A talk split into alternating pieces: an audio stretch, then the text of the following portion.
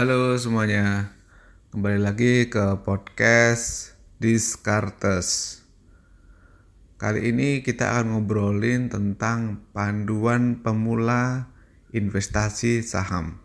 Kenapa gue bikin podcast tentang saham? Karena banyak banget teman-teman yang nanyain soal investasi di pasar modal, investasi saham mau beli saham A, B, C, dan D, dan seterusnya.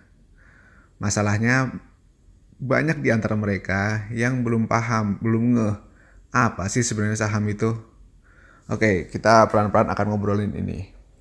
Jadi saham itu kayak pembagian kepemilikan. Misal gini, gue punya perusahaan, gue lepas sebagian kepemilikan perusahaan gue ke kalian. Let's say 20% ya. Jadi nanti kamu beli saham gue 20%. Kalau misal valuasinya perusahaan itu sebesar 1 miliar, berarti 20% dari 1 miliar, yaitu 200 juta. Itu perlu kamu siapkan untuk beli saham itu. Nah, jadi saham itu mengindikasikan valuasi perusahaan ya.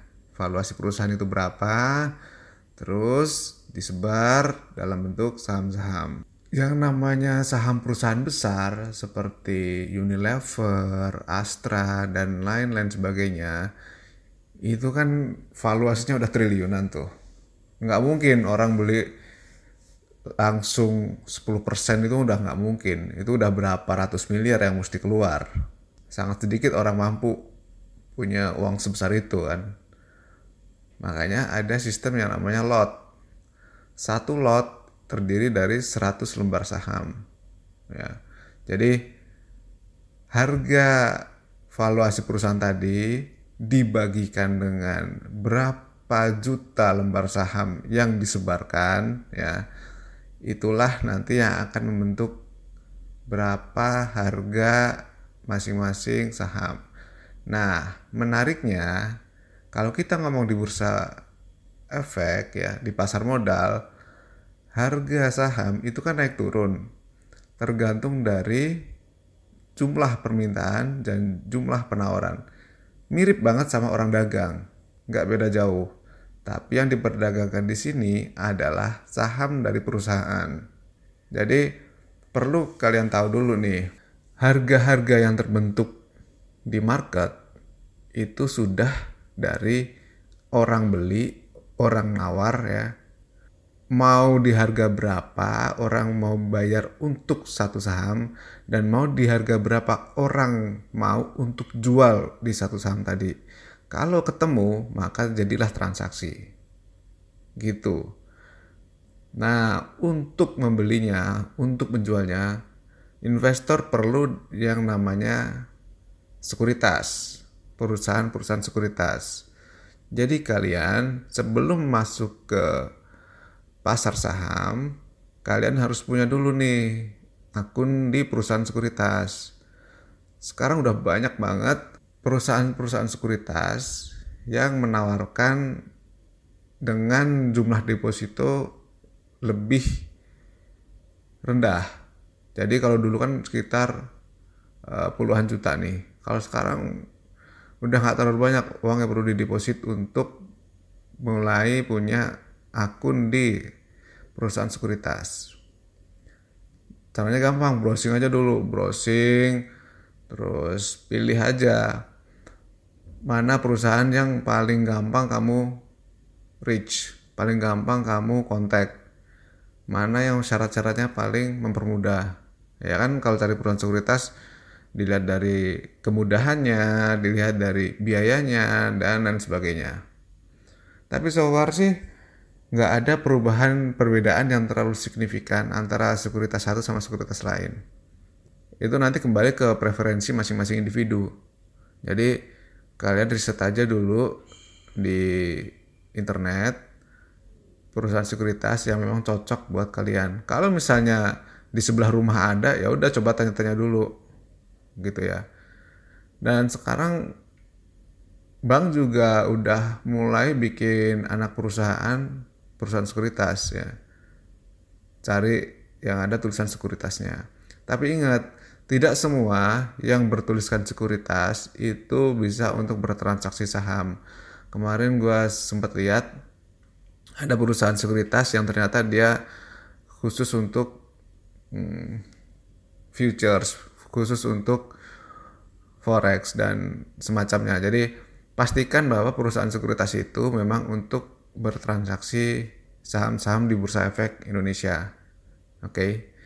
Ngomong-ngomong soal Bursa Efek Indonesia, ngomong-ngomong soal saham, ada yang namanya indeks. Jadi, kalau kalian pernah ngelihat IHSG itu adalah indeks harga saham gabungan.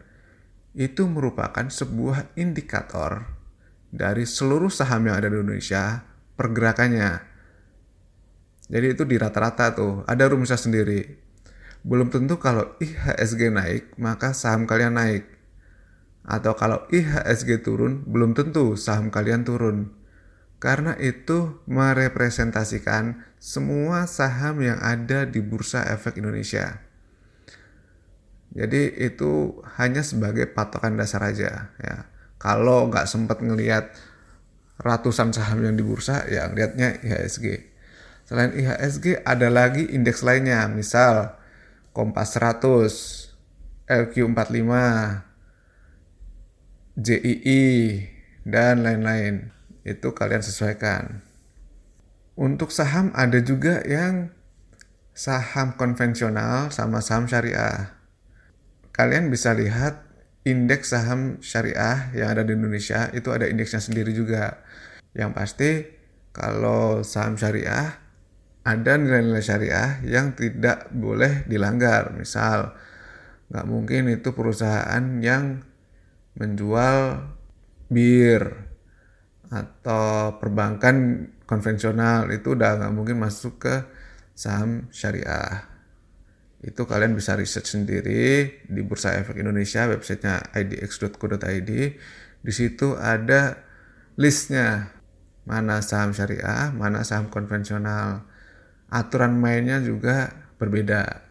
Aturan main sebuah saham dikategorikan syariah, tapi kalau transaksinya di pasar modal ya sama aja. Yang membedakan hanya kategorisasinya. Terus gini, ada pertanyaan selanjutnya dari teman-teman biasanya. Sebenarnya kalau kita beli saham, apa sih keuntungannya?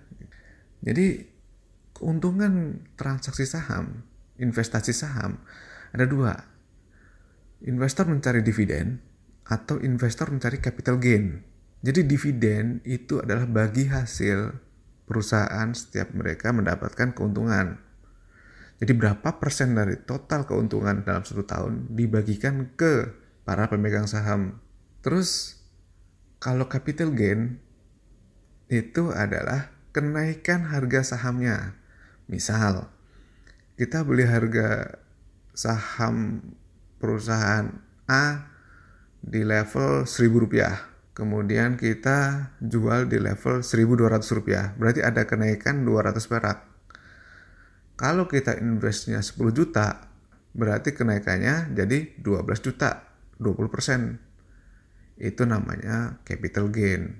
Apakah perusahaan yang nggak bagi dividen atau bagi dividen hanya kecil itu adalah perusahaan yang jelek? Belum tentu juga.